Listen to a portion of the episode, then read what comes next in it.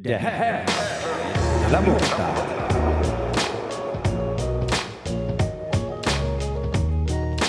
Della Motta, Motta. Sådär. Is it rolling Bob? It is definitely rolling. Sådana här ljudtekniker svarar aldrig på den grejen. Det tror jag inte. Mm. Mikael Wiehe har väl en motsvarande där på... Uh, Rulla bandet. Ja, just det. Det- Kan vi köra? Ja, någonting sånt. Det är väl på Vem kan man lita på plattan? Ja, det är på Hercules där, första låten. Ja. Och det är kul att han säger det för att det sticker ut så tydligt mot den här oerhört ansträngda låtsas-stockholmskan som hon För har. Herkules var valet trots allt ganska lätt. Ja. Ensam sitter kaparen vid kanonerna. Ja, nej men så pratar de inte.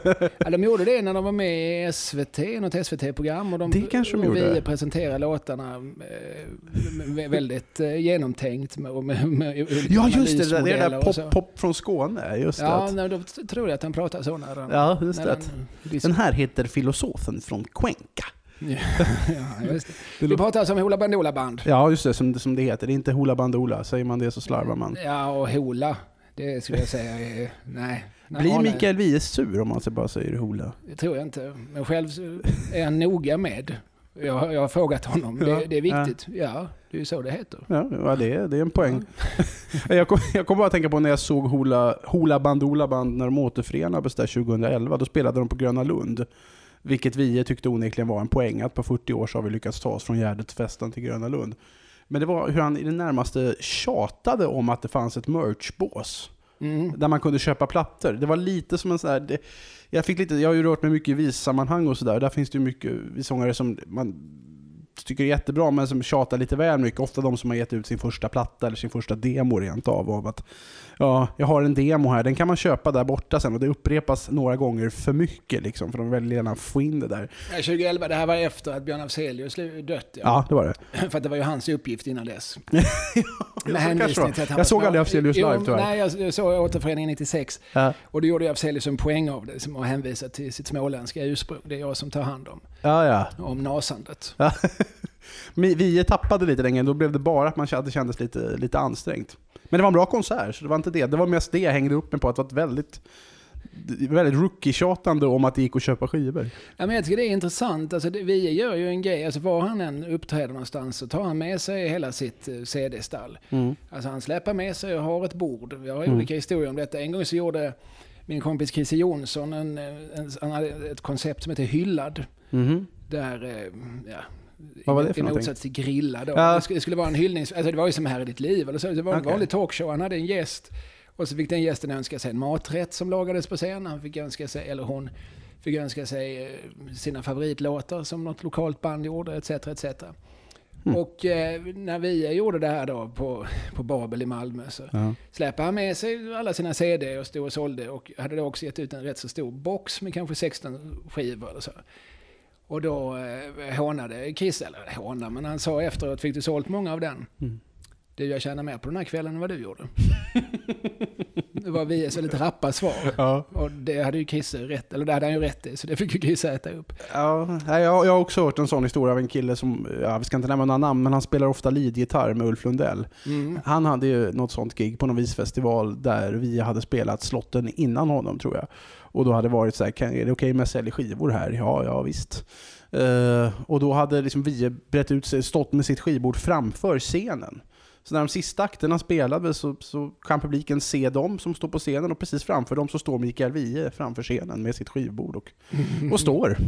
Mm. Det är, en, det, är, det är en rolig bild. Jag, tänker inte, att- man tänker inte att Mikael Wiehe står där och ler heller, utan man tänker att han står och ser liksom armarna, på, armarna i kors på ryggen och lite butter och sådär. Ja, han är, han är visserligen en glad typ ska jag säga. Så Ja. Man kan säga mycket om Mikael Wiehe säkert, men jag, jag tycker att han är genuint rolig. Mm. En, Ja, jag en också annan historia han gjorde tillsammans med den numera framlidne eh, Malmö-estradören och poeten Jacques Werup en, en, eh, ett program på Mm. Victoriateatern i Malmö. Och eh, då hade vi i vanlig ordning sitt CD-bord och då lär Jacques ha sagt Är det okej om jag får ett litet hörn av ditt bord? Alltså jag kan, ett litet, litet hörn. Så det blir som på scen. Mm. Eh, sa, sa, sagt i, i, i mungipan. Eh, Så det fi- finns olika historier. Det finns en annan historia om att Mikael Wiehe en gång har lämnat en fest med, med frasen nej nu ska jag hem och hota mig på hustrun. Som, sånt man kan säga på skånska. Det låter Hurra inte- mig på hustrun. Jag vill jag veta vad det betyder ens en gång. Hota är kasta på skånska. Jaha. Det är ett ganska vanligt skånskt ord faktiskt, som man Jaha. hör barn säga. Och så, liksom, han hotade den på mig. Hotta är för mig, liksom, jag säger nog hot- hota lika ofta som jag säger kasta. Och hota sig på hustrun är alltså att kasta sig på hustrun. Ja, det var pedagogiskt vi, och bra. Vi eh, ville väl någonstans antyda att han fortfarande hade det. Du, vad är det för ett program vi gör här, eller podd? Ja, program eller podd eller podcast eller podcast eller vad man nu kallar det. Jo men det är Della Morta heter detta och jag heter Fredrik av Trampe och du heter Kalle Lind. Detta är helt korrekt. Mm. Numera heter du till och med Kalle officiellt va, tack vare Postnord. Ja, ja, det är helt rätt. Jag, det, det var en gång jag inte fick hämta ut, ironiskt nog dessutom, böcker som jag själv skrivit som det stod mitt namn på och det var mitt ansikte på. Men de var ju i en låda och den lådan kunde han inte öppna för han visste ju inte, han kunde inte veta att det var min låda. Och det stod ju Karl på körkortet och då blev jag så arg att jag Mm. gick hem till datorn och skrev in på PRV att jag ville byta namn. Och det här gick väldigt fort. Mm. För nu händer det att jag får avier som det står Karlin på. Aj fan. Såklart. eh, nej, Men, det lika bra var kanske det. Det är ju Kalle som alla känner dig som. Ja, men när jag blev lite offentlig, eller man började göra små, små, små, små, pyttesmå avtryck i offentligheten, så gjorde jag det, det valet. Mm. Alltså, jag sa det till mina kamrater som jag trädde in i offentligheten tillsammans med, Ola och Valle. Ola Norén och Valle Westesson, att ja, men nu, från och med nu är jag Kalle. Mm. Innan dess var det lite glidande. Min fru som jag har varit gift med, eller vi gifte oss nyss, men vi har varit, eh, levt ihop i 21 år. Mm. Och hon sa ju Karl de första åren. Ja. Men där någonstans runt 2002 så blev jag Kalle. Och sen dess är det Johan Glans som är en gammal gymnasiekompis till mig. Han säger nog fortfarande Karl. Jag har ju lite den där grejen med att jag heter alltså Fredrik av Trampe och nästan alla jag känner kallar mig för Trampe. Eh, och det där har lett till lite förvirring. En av Martin Kristensson, en gemensam god vän till oss två som väl också lär nämnas ett antal gånger i den här podden. Han var ute och gick på stan för ett antal år sedan och springer på min storebror. Som var ute med, med sin dotter i barnvagn. Och de, de känner egentligen inte varandra, men de har träffats när jag har fyllt år eller när Martin och jag har gett ut böcker ihop på releasefester och sånt där. Men de står och småpratar en liten stund och Martin blir så vem är den här Fredde han pratar om? Vem är Fredde? Och sen, ja, ja, Trampe är ju hans bror. Det är klart att han, inte- han heter ju också Trampe. Det är klart att han inte kallar Trampe för Trampe. Det blev, hade blivit konstigt. Ja, det hade blivit väldigt konstigt. Eh, men jag har den grejen just nu att jag umgås med folk eh, som inte känner mig som Trampe utan bara säger Fredrik i den eh, skolklass jag just nu går i på Åsö gymnasium. Och jag har fortfarande inte riktigt vant mig. Jag har varit Tramp så länge. Inte ens min, min sambo kallar mig för Fredrik till vardags. Utan det är Trampe även där. Mm. Nåväl. Men vad det är, är ju en trampe. Ja, vad nu det är för någonting. Det är Ja, väl men det kanske- är en sån som du. Ja, ja men topp. Jag, jag, jag väljer att tolka det som Ja, någonting ja. positivt. Ja, det är nog mest positivt. Ja. Nej men tanken är alltså att vi ska vikariera här för våra vänner Chippen, Fuck Up och K här under sommaren i Della-feeden. Och vi ska, när vi satte oss ner och diskuterade vad det var vi skulle göra i den här podden så kom ganska snart frasen för smalt för snedtänkt upp. Ja, just det. Alltså, Snedtänkt är ju en podd som jag gör för Sveriges Radio och som du eh, ofta gästar. Just det. Och där, där har vi som tagline podden som pratar om sånt som andra poddar inte pratar om. Alltså idén är att men här ska vi kunna zooma in på lite små detaljer och framförallt, framförallt så är det ju saker som ingen pratar om längre. Mm. Och det kan ju vara saker som alla pratar om 1967 men som de, de som var med då antingen har glömt bort eller eh, dött ifrån eh, Mm. för att kunna prata om. Eh, Men, men eh, det, det är ju lite grann, alltså det är ju mycket fokus på svensk nöjeshistoria som råkar vara ett gemensamt, eh, ett gemensamt ämne. Men, men, eh, men samtidigt, det är ju ett ganska pedagogiskt program. Mm, det är det verkligen. Där, där vi, det Det här, är ju Sveriges Radio ändå gubevars. Ja, men det är också, ja, men det det- idén och formatet kommer ju från mig och det har ju varit en ambition att ja, men här ska vi liksom bjuda in människor till ett samtal som kanske eh, när man ser så här om svensk mentalvård, om eh, seriemagasinets insändarsida. Alltså det kanske inte låter så jävla sexigt när man ser det, men som, så, så är liksom ambitionen i alla fall att hela tiden liksom hitta små, små dörrar att öppna Mm. upp. Kom in här, det, här, det finns saker, det, så finns det jätte, det här är väldigt spännande det här ämnet och ni har också många fler ingångar än vad ni själva kanske initial tro. Ja, nej, men det, det känns som en kod som du har knäckt där. För jag kommer ihåg att när du förklarade för mig, var du, jag var ju med i något av de allra första avsnitten av podden då för fem år sedan. Eh, där, där du förklarade ungefär att det här var tanken, att det, det smala är mycket bredare än vad folk tror. Det kändes, oerhört, det kändes som en oerhört revolutionerande tanke då, kommer jag ihåg. För jag kom, jag kom, Möjligen för dig. Ja, nej, nej, nej, men jag kom direkt från journalistutbildning där man hade fått höra att ska du överleva som journalist i framtiden så måste du vara bred. Du måste Ja, vara ja. bred och det ska vara kortfattat. Och Jo, det men det är väl sant. Ja. Skriv kort, helst inte alls. Som Sigge Ågren på Expressen sa till sina medarbetare. Jo, men det här var, det var faktiskt en... Det, kan jag nog säga att det var en... en eh, eh, vad- säger man? En insikt jag Mm. gjorde när jag 2007 började blogga. Just det. Eh, En man med ett skägg. Ja, just det. Den finns Mm. fortfarande. Det var något år sedan jag uppdaterade den. Men, men eh, ja, det var en, en blogg. Det var som jag var mellan jobb. och jag hade, hade liksom väldigt starka uttrycksbehovet. Jag, jag Mm. måste liksom få ut all skit som spökar i huvudet. Och Så att jag började liksom skriva om, när jag läser Sara Leanders memoarer, okej vad har vi att säga om dem? Eh, och olika tankar. Jag har liksom hittat min gamla barnböcker från min eh, proggiga 70-talsuppväxt. Ja, jag skriver någonting om dem. Och så, och så märkte jag ju efter ett tag att men det finns människor som inte bara hittat till den här bloggen utan som också har en relation till en del av de sakerna jag skriver. Ju smalare saker jag skrev om, desto fler kommentarer fick jag. Skrev jag, vilket jag vet att jag gjorde om Lill-Babs. Just det. Ja, ja men Lill-Babs har vi väl kanske inte så mycket att tillägga om.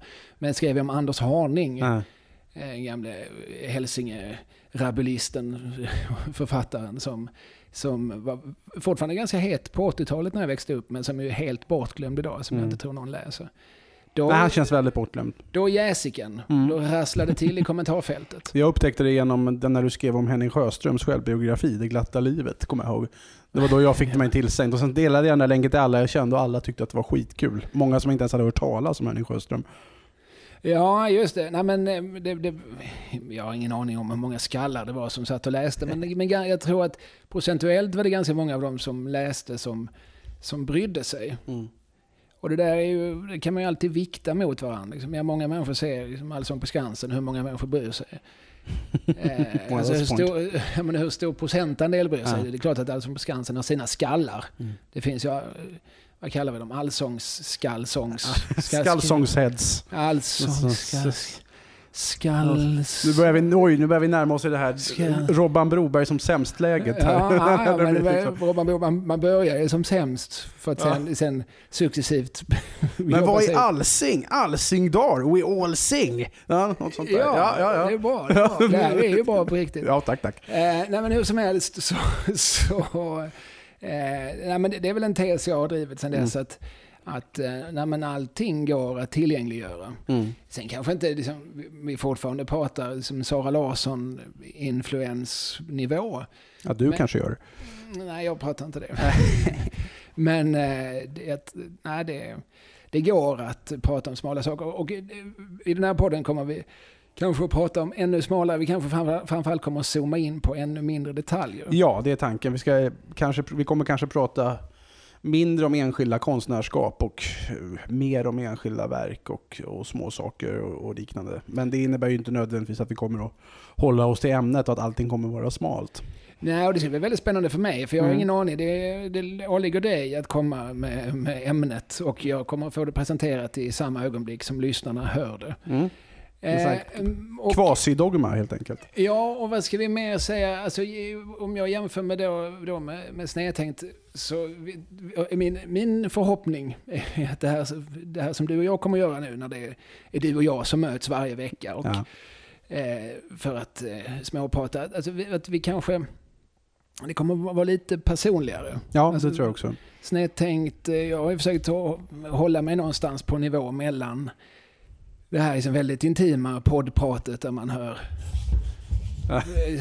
Ja, jag ska bara gå på toaletten och så, så får man liksom höra det i realtid och så. Någon som, Friberg, vad håller han på med idag? någon som pissar på, Nej. på några meters avstånd. Och så. Men det, alltså, någonstans mellan det och eh, det mest officiösa Sveriges Radio-tonfallet. Alltså, det, här ska liksom vara, det, här ska vara begripligt. Man måste inte lyssna varje vecka för att, för att lära känna det här gänget. Men, men eh, i Della Morta. Så kommer vi kanske vara lite mer personliga än vad någon av oss varit snedtänkt. Mm, det tror jag Kanske. också. Åtminstone en aning ens. Vi kommer att vara lite mer transparenta. Vi, vi, vi kan berätta det. Vi sitter på eh, Kungsgatan i Mm. Stockholm. Känd från eh, Ivar Lo-romanen från, Med samma namn. ja, precis, från 20-talet, någon gång 30-talet. Sitter ganska i närheten här av Oscarsteatern, känd från uh, Fantomen på Operan, way back when. Ja, Spade Madame 69. Spade Madame 69, inte minst. Dolls 98. Nu spelas eh, Så som i himmelen. Just det. Det är Vicky von der Lanken som äger Oscarsteatern. och Ja, är det det det? Det Ja. var ju henne, det har varit hennes drömprojekt sen filmen kom. Att, att, att, få, att få se en musikal baserad på den, den vedervärdiga historien. Vår vän Martin Kristensson som vi nämnde alldeles nyss, eh, han i vintras här så körde Henrik Dorsin en litet stenkast ifrån oss och från Oscarsteatern en uppsättning av Karl-Bertil Jonsson som På Scalateatern. Scalateatern ja. Och eh, Martin skulle ha som surprise-projekt att han skulle ta med sin syster på den här föreställningen. Martin, liksom hans syster, är in, milt uttryckt, liksom oss då, inte några vänner av filmen Så som i himmelen. Och Martin hade som sagt då som överraskning, systern visste inte vad de skulle gå på. Så de kommer från centralen här och fan far i Martin och han bestämmer sig för att ta av upp på Kungsgatan upp mot Oscarsteatern där det är stora Så som i himmelen affischer. Och han hinner liksom precis registrera paniken i sin systers blick innan han berättar att nej, det blir Karl-Bertil Jonsson istället. Det var ett litet prank. Ja, det var lite prank. Det är Ja. lite, lite otypiskt honom på något sätt. Men, Ja. Men han har en liten, en liten djävul i sig, även han. ja, fasen. Det är alltså det här som är att vara personlig och transparent i poddar. Ja, vi börjar prata om Vicky von der Lanken.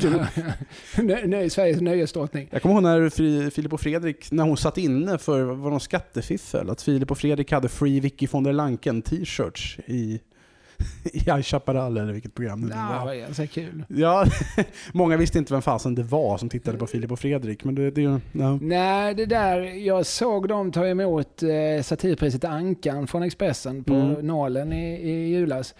Eh, och, eh, de, de, och det här har nog Wikingsson pratat om flera gånger, men, men att om de gör någon nytta så är det att de i ett väldigt brett sammanhang, för det finns ju tydligen jättemånga människor som lyssnar på deras podd, Ja. Eh, pratar om eh, faktiskt oerhört smala saker. Alltså väl så smala saker som, som kan dyka upp i snedtänkt. Alltså, de, eh, från den, det här, liksom, den här lilla liksom, medieplutten, eh, de, de här kvarteren varifrån hela liksom, s- s- nöje-Sverige styrs eller tror sig styra.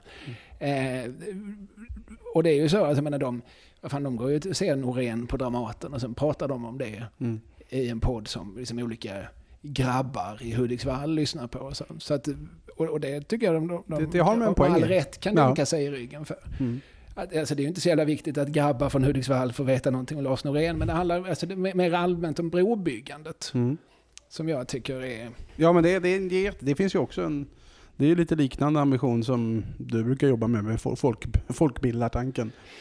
Ja, Eller har- jo, men du har väl lite att en vi sån. kan prata... Ja, ja nej, men absolut. Folkbildare tycker jag är ett fint ord. Mm. Jag skulle inte använda dem mig själv av just det skälet. men men äh, överhuvudtaget brobyggande, så att generationer kan prata med varandra. Att, att, att, vi, att, vi, att, vi, öppnar dörrar Mm. hela tiden. Alltså, det, kom in till mig. Det, det som finns här, det är begripligt för dig också. Det är relevant för dig också. Du kan förstå det om du bara bryr dig. Eh, och det, tycker jag absolut att de gör någon sorts insats. Du, vi har ju lovat eh, Chippen som han då tydligen heter, Sumpen som han heter i min värld. Mm. Eh. E- Och enbart i din värld. Ja, precis. Det var för att vår, vår gemensamma bekant Jesper Rönndahl en gång råkade kalla honom Sumpen. Och av någon anledning så var det det namnet som, som stannade i mig. Ja. Vad har vi lovat honom? Att vi ska, för att hålla liksom Della-fanan mm. alltjämt högt, att vi ska ställa den här frågan. Vad har hänt sen sist? Och det blir ju väldigt märkligt då eftersom det här är första avsnittet. Jo, jo, men vad, Ja. något, Vad har något, Ja, du jag har inte setts på ett tag. Nej men det är, jag har ju börjat plugga igen. Jag läser in naturvetenskapliga Och Vänta, innan på- du berättar vidare, har du något skämt eller så på detta? Eller ska du bara berätta om, om kemi nu? Jag ska berätta om Niels Bohr och atommodellerna. Ja. Ja, nej. jag- Okej. Ja, nej, det var, jaha. nej, det var mer observationen att, eller det, jo, ja, men det är me- mer den där observationen, hur märkligt det är att vara helt plötsligt inte helt plötsligt inte vara bäst på någonting längre. Jag läser alltså naturämnen för att jag har någon sorts vag idé om att jag ska... Jag, jag tänker så här, i ditt huvud lät det säkert ödmjukt. Vad lät ödmjukt? nu, att, att, mm, det här att inte vara bäst längre. Ja. Nej, men I om- mina öron lät det inte lika ödmjukt. Nej men vad fan, jag har jobbat som journalist i, vad, blir det, 15 år eller någonting. Jag säger, jag säger inte att jag är bäst i Sverige som journalist. Jag är, möjligen är jag rätt bra på en ganska nischad grej som du, jag, David Nessle och någon mer håller på med. Eh, och bryr sig om. och bryr sig om. Eh, nej men jag, jag har i alla fall haft ett yrkeskunnande och en, en trygghet i min yrkesroll. Sen har, det inte, sen har det inte alltid varit så ekonomiskt fett alla gånger. Men, men jag har liksom känt att det jag gör, det behärskar jag. Och så helt plötsligt sitter jag och konfronteras med en massa mattetal igen. Eh, sånt där som jag aktivt har undvikit att konfronteras med sen, sen gymnasiet. Och det, då jag tvingade mig igenom matte C för att det ingick på schemat och verkligen liksom var tvungen att slåss för att få, bara för att få ett litet, litet G som det hette på den tiden. Eh, det, det är, apropå ödmjukhet då, så är det bra för ödmjukheten att utsättas för sånt där. Att tvingas utmana sig själv. Men det är också väldigt skojigt att helt plötsligt eh, varje dag umgås med människor som är betydligt yngre än vad man själv är. Och inse att de där solstolarna-referenserna som jag försöker dra, de, de flyger liksom lite över huvudet.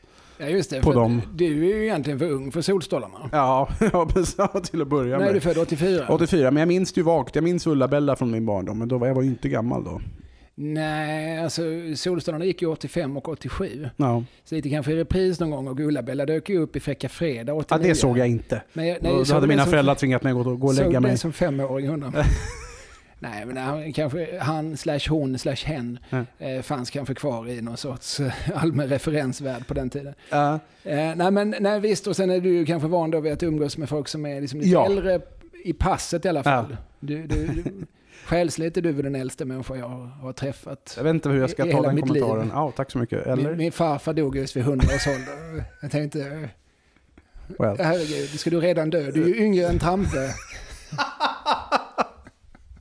Ja, jag vet inte hur jag liksom ska eh, hantera den här... du får ta det som du vill. Jag får ta det som jag vill. Jag får ta det när vi har stängt av micken här sen. Det. Nej men det, men det är också just med referenser och också att umgås varje dag med människor som är intresserade av sport. För det är någonting som jag typ aldrig har gjort undantaget möjligen lumpen.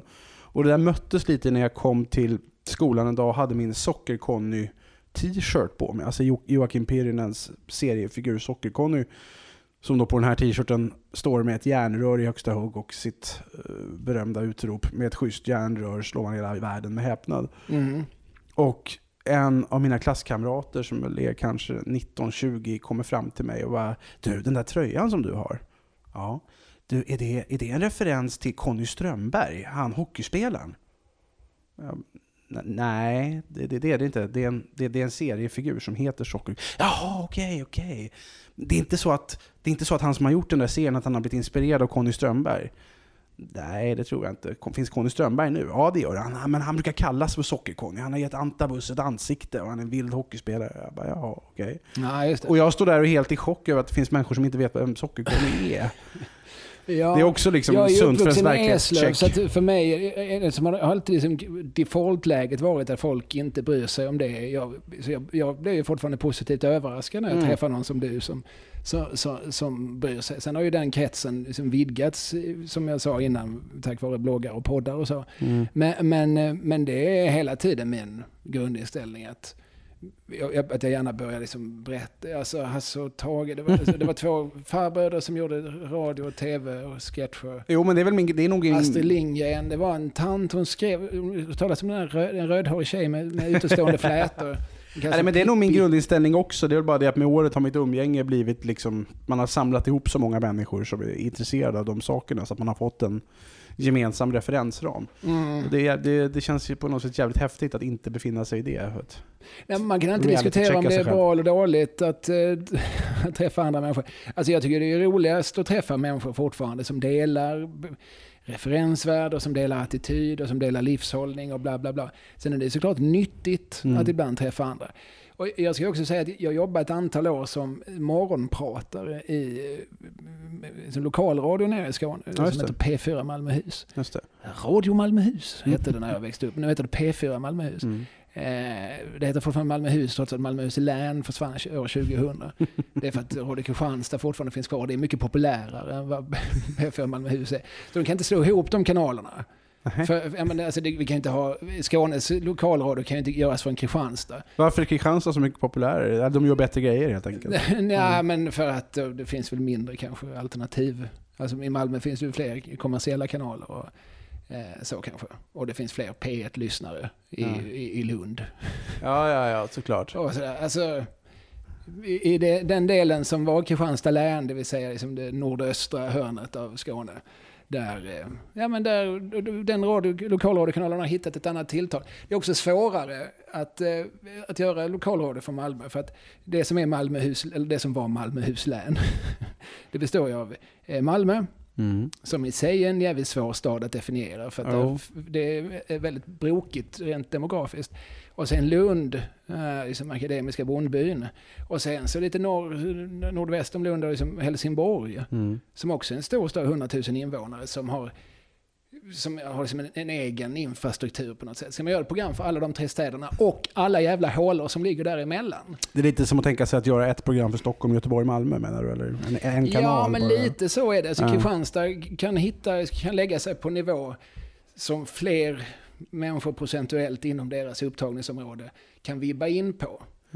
Det, är, alltså det, är demograf, det området skulle jag säga är demografiskt mer likriktat än det väldigt plottriga som är det sydvästra hörnet av Skåne. Hur, hamna, hur hamnade vi här Jo, ja, du, du har jobbat där? du- Ja, du ställde- det. Så var Du det. gjorde dumheten att ställa en följdfråga. Ah, Är Sorry, Grundregel ett som journalist, ställ aldrig följdfrågor för då kommer den andra människan att svara på dem. om det inte är han the soup nazi. Jag jobbade eh, som Han vägrar följdfrågor där. nämligen. Ja. Eh, jag var tvungen att försörja mig Ja. och jag ville ju inte göra det egentligen. För Nej, vem fan vill det? nej men eh, försörja sig, Ja. jo men det vill många av oss. Men, Mm. men, nej, men när jag fick frågan så tyckte jag väl kanske att vad ska jag göra? Lokalradio, vem tror du att jag är? Ja, herregud, jag har gjort P3-satir. Hur gammal tror du att jag är? Eh, och sådär. Men så fick jag betalt så att då sa jag ja. Och, eh, Känner igen känslan. Och jag hade den här, alltså, för mig var det som Radio Malmöhus, det var någonting som stod på när man jobbade i äldreomsorgen som ung. Mm. Och då var det alltid någon gubbe som pratade om äggakaga. Åh, det är så gott. Stegeflott i äggakaga och äpplabitar och ja, och så lite baconfläsk på det. Lite härligt, härligt eh, knapret basonfläsk. Så lät det liksom alltid. O- Olika tanter som hette Gullbritt ringde in och, och gav sina bästa recept på äggakaga. Ska, Ja, ska, ska jag göra detta? Mm. Jag blev nästan förolämpad av frågan. Men som sagt, jag behövde försörja mig och eh, tyckte väl att det kunde vara lite spännande. Så att jag satt där i fem års tid varje morgon eh, och eh, pratade till en ganska, liksom, som jag sa, liksom diffus och differentierad folkmassa. Och då tänkte jag, alltså, visst jag kan ju sitta här och prata om Karl-Uno Sjöblom. Mm. Eh, Det är ju kul en timme i alla fall. Ja, en gång Ja. är, är det roligt. För, Ja. det, för det, det, det märkte jag ju där också. Att slänger man ut ett sånt namn så får man ju även i en sån kanal Mm. Ganska mycket napp. Mm. Det är jättemånga som, särskilt, särskilt kanske man nämner liksom lokala figurer som liksom Jan Öyvind Svan eller, eller Ricky Bruch eller Åke Arenhill eller så, här, så folk som, som, som har liksom någon slags skånsk förankring. Men, men, men där fick jag ju också, och det var ju både den hårda vägen och eh, en medveten strategi för att det blev så knäppt. Jag kan ju inte sitta i en kanal. Alltså man får tänka, det är lokalradio. Folk Mm. slår på där på morgonen. Vi börjar sända klockan sex. Folk slår på, då vill de ha väder och trafik och eh, någon slags uppdatering av läget i världen. De vill ju inte ha någon som bara sitter och pratar om vad Pekka Langer gjorde. Nej, det, det är ju fullt rimligt. Tråkigt men rimligt. Ja. Ja, nej, nej, mm, bara Mm. rimligt. Så att där lärde jag mig att prata om lite andra saker också. Mm. Var, hur kom vi in på det här egentligen? Jag vet inte. Jag vet inte heller. Men vad, har det hänt dig någonting sen sist Kalle? Ja, men det, det beror på när sist började då. Ja, vi sågs i januari sist tror jag, när du var uppe en sväng och vi var, vi sågs på Centralen och drack öl. Ja, just det. Mm. Ja, vad har hänt sen, alltså under våren här så har jag, jag har gett ut en bok Mm. och eh, filat på två andra böcker som ska komma under året. En, eh, ett seriealbum, ja, det, har jag liksom, det manuset var ju färdigskrivet för länge sedan, som Jimmy Wallin sitter och tecknar. Just det, den här statar-grejen. Ja, statarnas inte fullt så underbara äventyr. som eh, vi kan prata mer om någon annan gång. För Ja. det är ett ganska spännande projekt. Det började som en bröllopsmusikal, blev en scenmusikal, blev en filmpilot Och går nu i 91 Ja. Och Det låter som vilken, vilken jäkla resa ändå. album i höst. Ja, jag vet inte. Det känns inte som att det var som en logisk... Som att resan gick uppåt bara. Nej. Nej men det är kul. Förr eller senare så får man ju omsättning för, för någon idé, eller för sina idéer. Ja, jag, om de är tillräckligt bra. jag tycker då inte om att eh, slösa bort idéer. Nej, nej det, det är väl en klok inställning. Och sen så vad jag framförallt har gjort, eh, jag skriver på en biografi över en man som heter Hans Folke Alfredsson som eh, har haft en viss betydelse för svenska folket i allmänhet och för Mm. mig i synnerhet vågar jag säga. Jag inkluderar mig själv i den där synnerheten också. Det är väl tveksamt om vi hade suttit här idag om det inte hade varit för Hasse. Nej, han finns liksom med någonstans som, Ja. som någon sorts eh, ständig Du är med referens. mig vart jag går och så vidare. Ja. Ja, precis. Eh, Den, den hade... Sången som Mikael Wiehe skrev till Björn Afzelius Ja, hade jag kunnat skriva till Hasse Alfredson fast det hade blivit konstigt. Jag vet inte varför intim på det sättet. jag får en jätterolig bild i huvudet av att du står och sjunger den på, på Hasse Alfredsons begravning. Så står du och Inför. Tommy Körberg, och Peter Dalle och familjen och folk undrar vem, vem är den här vem är den här mannen? Vad, vad gör han här? Är det, vet du vem han är? Hatte Furuhagen viskar till Karl-Uno Sjöblom. Vet du vem det här är? Ingen aning. Nåväl. Ja, det, det, det, men det, jag har ju varit inblandad lite i den boken som, som eh, lite research Mm. hjälpreda. Men det, det, det är kul för det verkar som att det blir någonting du, har ju ofta en väldigt, du utgår ju ofta från research och fakta men du brukar ofta ha en väldigt starkt personlig vinkel. Jag får intrycket av att det här kommer bli ännu några gånger, några vänder till researchbaserat, den här, just den här boken. Ja, alltså det finns inget standardverk om, om Hasse Alfredson. Det finns, Nej. eh, som ju du vet, men som kanske inte alla lyssnare vet, ett antal böcker om, som speglar det, det vi kallar Hasse och Tage. Det, Mm. det finns eh, två hyfsat läsvärda böcker om svenska ord. Just det, och Göran. Tonström och Köja Wermelins den här Coffee Table-boken med fina bilder och så. Mm. Och sen så har den allestädes uppdykande Claes Gustafsson, mästerbiografen, Mm. skrivit en, en bok om Tage. Och alla de tre böckerna tar ju slut 85 Ja, i anslutning till Tages död. just det. Och, ta, och ta det, eller det som jag tycker är så bra med Claes Gustafssons bok är att han liksom tar greppet på verken och vad ska man säga, vad de säger om Tages personlighet och så vidare och hans syn på livet. De andra böckerna är jättebra också, men där är det mer re- rekapitulering av att i Gröna Hund så fanns det här numret och i Gula Mm. Hund så var, sa de pitt och det blev riksdagsdebatt om det. Ja, nej, men Inget fel i det, det är jättebra, men, men det, Ja, men det är någon annan take gru- i grund, grundbok, Ja, alltså precis. grundkurs i svenska ordkunskap. Mm. Eh, Särskilt den här då, Göran Thornströms, eh, vad heter den, svenska ord? Hasse och Tage och deras svenska ord, så heter den ja. Eh, den är liksom knastertorrt redogörande för eh, viktiga fakta. Eh, Och det hade ju inte gjorts bör ju tidigare. såklart stå i alla människors bokhyllor. Absolut. Eh, Gjord innan internet dessutom.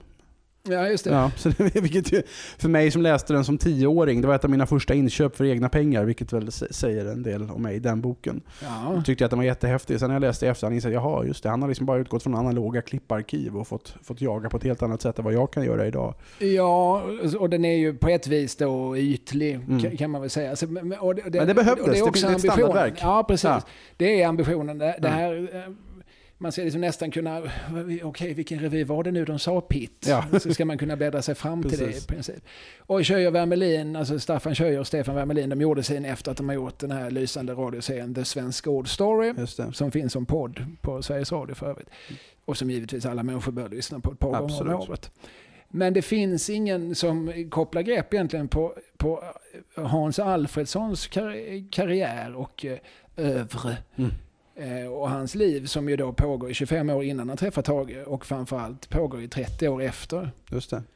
Då han ju är, som minst de, de första 20 åren av dem är stadigt produktiv. Mhm. Ja det är han väl. Det är man, under slutet av 80-talet ett antal filmer och sen en, massa böcker under 90-talet och lite pjäser och sånt där. Jättemycket grejer. Mm. Jättemycket. Alltså det är ett konstant flödande eh, en konstant flödande penna. Mm. Mycket av det var inte så bra. Men, men det, jag tycker det är mindre intressant ibland. Utan det, det, fortfarande så, så är, är också helheten, den här liksom enorma produktionen, den är i sig eh, intressant. Ja. Alltså, att ja, vad den säger om honom som person liksom och skapare och färre- livshistorien. Ja, precis. Det finns liksom färre hittar Mm. på antalet missar så att säga. Men, men eh, han eh, fortsätter oförtrutet. Ja. Och, han gör det för att han måste. De perioderna är ju också oftast ganska mycket mer intressanta. Det är roligare att läsa om Eldkvarns magra år än vad det är att läsa om succéåren. Ja, det kan ju vara olika. Alltså, det beror ju på vad... Jo men hur hanterar det- man men det- motgångar och hur påverkar det en Ja. skapare, en konstnär? Ja men absolut, och det jag lägger, det jag nog har liksom berättat ut mig mest om det är ju, det är ju som Hasse Tages ganska få motgångar som duo. Mm. Och, eh, och sen då liksom Ha- Hasses eh, som, som eh, ensam skapare.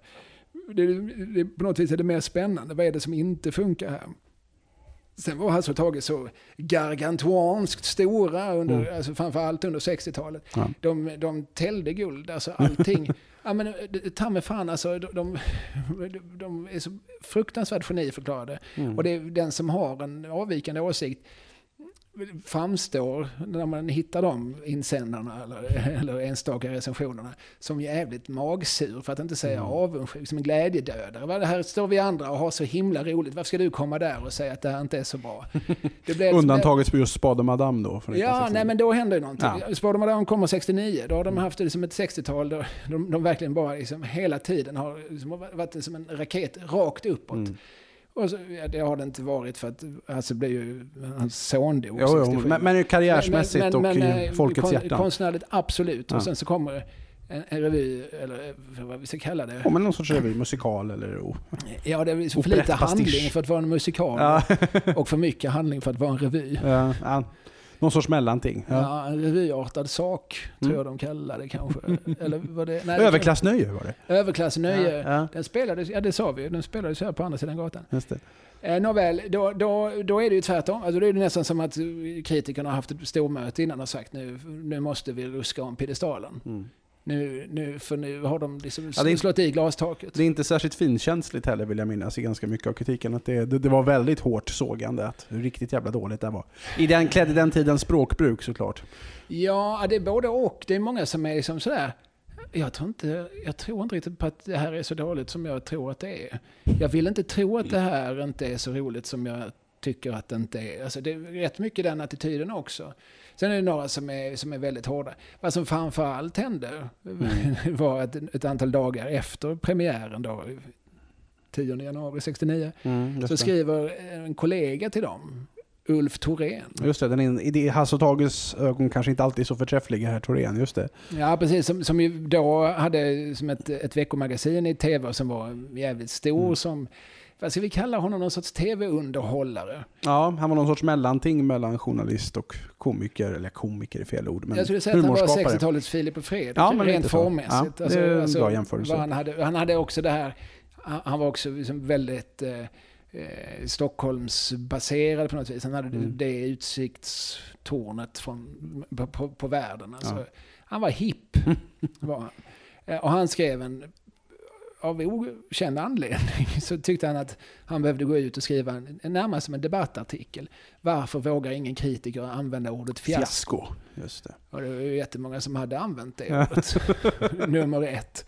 Och det är också, det känns ju, det är väldigt magsurt att gå ut och recensera sina kollegor. Det är en konstig artikel, för han berättar också att jag och min hustru Lill och Lasse Holmqvist, vi, Mm. vi var och såg den här och vi var ju helt överens om att det här var inte bra, det var inte roligt, det var ett fiasko. Så sen fick Lasse Holmqvist också skriva en artikel där han, jag, jag, kanske råkar säga så, men jag tycker att...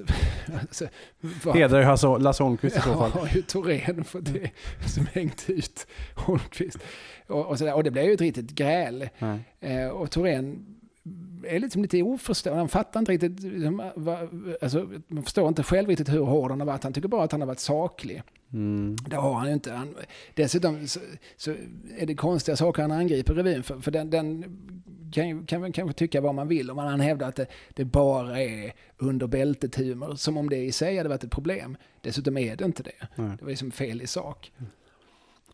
Och det här lägger jag ganska mycket vikt vid i boken. För, att, för, att där, för jag tycker det är en intressant vändpunkt i, i, i liksom Hasse och Tages utveckling. För att därefter kan de aldrig mer vara säkra. Alltså, de har inte varit säkra dessförinnan, men de har verkligen bara gått från succé till succé.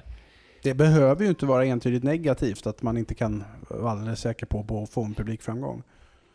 Det kan ju betyda att man skärper till sig också. Jo, jo, fast det gjorde de ju hela tiden. Alltså, Mm. det är ett av många skäl som finns att beundra Hasse och Tage, det är att de faktiskt aldrig upprepar sig. De alltid eh, liksom, kommer någon annanstans ifrån nästa gång. De gör, alltså, ja, nu börjar vi här på Gröna Hund, Mm. eller Gröna Lund, Gröna, Lund, Gröna Hund på Gröna Lund.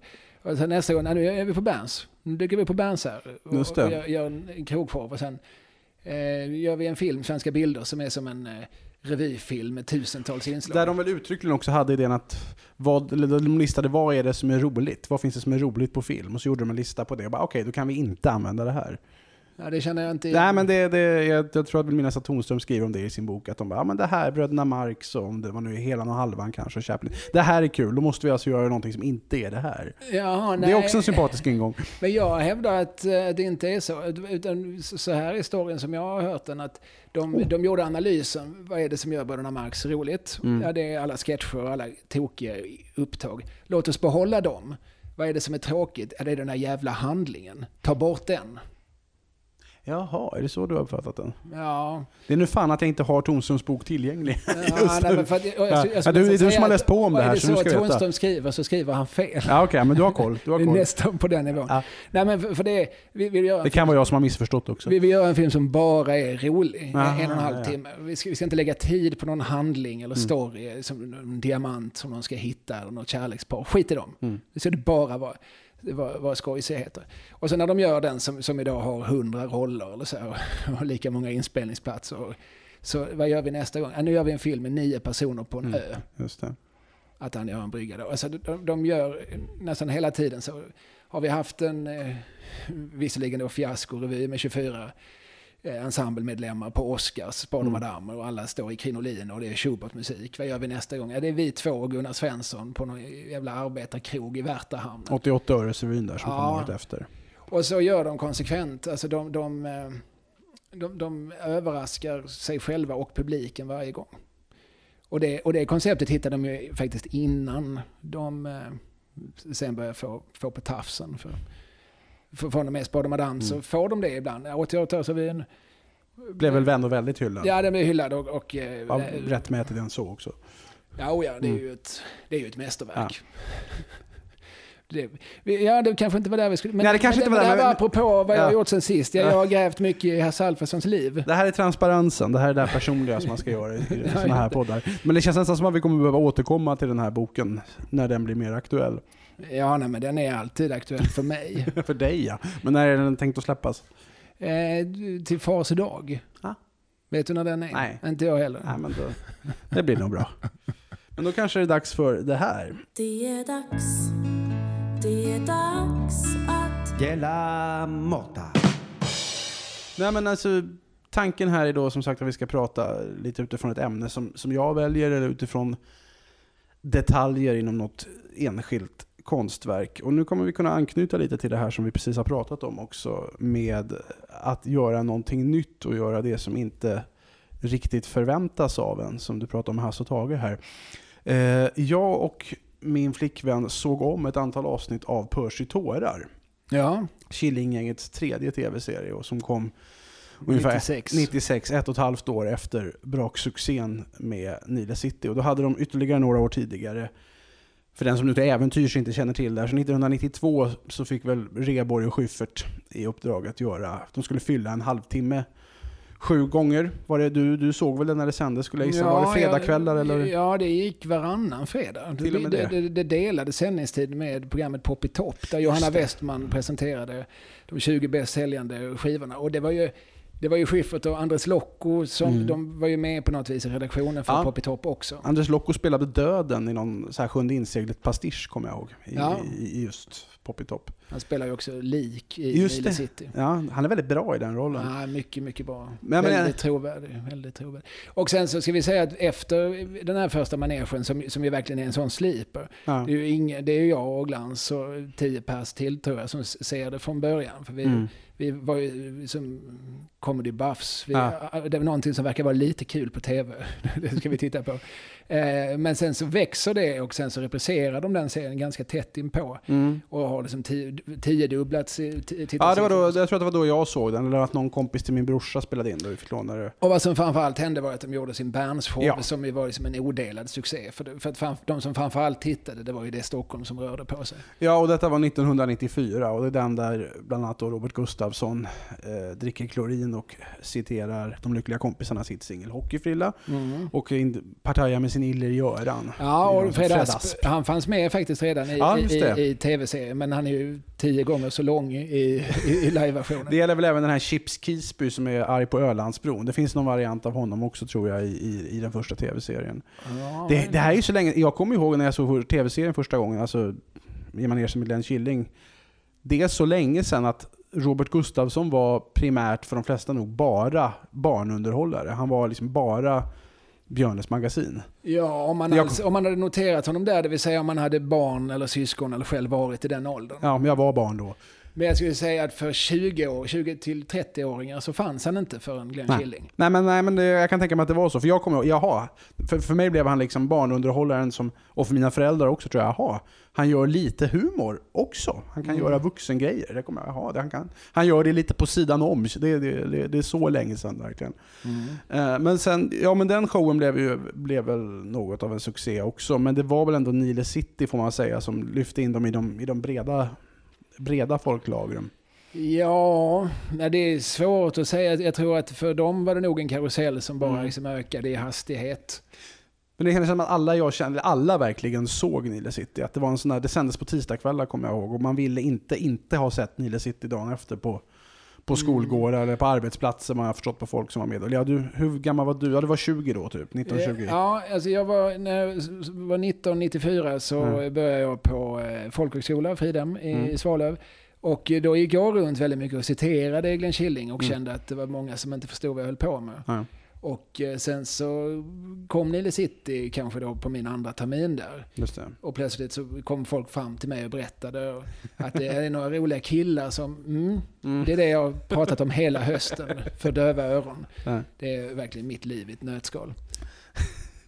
Jo, men och, och det blev ett, ett, de fick ju ett jäkla genomslag med den serien. De blir liksom humorns första rockers, tror jag Robert Gustafsson kallar det i sin självbiografi. Det blev Mm. något som citerade, alltså min, ja, men mina föräldrar älskade det, mina kompisar, jämnåriga kompisar, de som var lite äldre älskade det, alla älskade den där jävla serien. Och sen då hösten 1996 så har Percy tårar premiär och de har liksom ett helt folks förväntningar på sina axlar över vad de ska göra.